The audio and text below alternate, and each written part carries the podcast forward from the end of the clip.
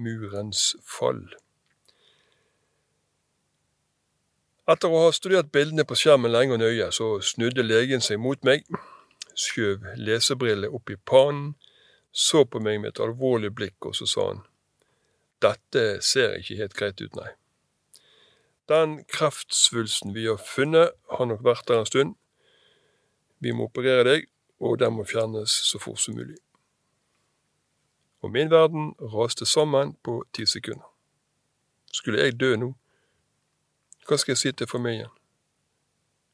Herlighet, hvordan skal jeg takle dette? Noen timer tidligere så satt jeg i køen på venterommet. Jeg hadde nok eh, gruet meg, men jeg tenkte at det kunne ikke være så alvorlig, og dette kommer helt sikkert til å gå bra. Tilfeldigvis så satt en bekjent av meg i samme køen og skulle på samme undersøkelse.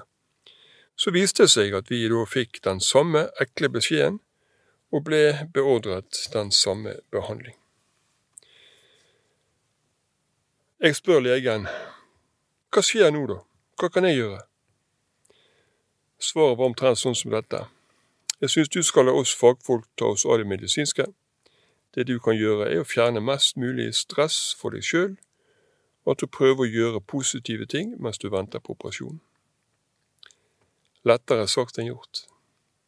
Jeg var i mitt yrke vant med å håndtere andre sine kriser, vant med å takle mennesker som får dårlige beskjeder, jeg var jo den sterke, jeg var jo hjelperen, og nå var alt snudd på hodet. Jeg kjente meg fullstendig maktesløs. Et rollebytte i løpet av sekunder, så satte meg helt ut. Jeg prøvde så godt jeg kunne å følge legens råd. Og så var det tid for å stille det sentrale spørsmålet til meg sjøl hva skal til? Hva vil jeg ha mer av i disse dagene mine? Hva må jeg rydde vekk? Hvordan skal jeg lage gode dager for meg sjøl? Hva stresser jeg med, og hvordan reduserer jeg nettopp stresset? Og ikke minst, hva mennesker ønsker jeg å ha kontakt med? Jeg lagde meg en liste, og så prøvde jeg å fylle dagene med positive gjøremål. Fylle dagene med gode samtaler med folk som sto meg nær. Reiste til varmere strøk, levde noen gode dager der. Jeg valgte å ikke google alt om kreftformer, spredningsfare og dødelighet.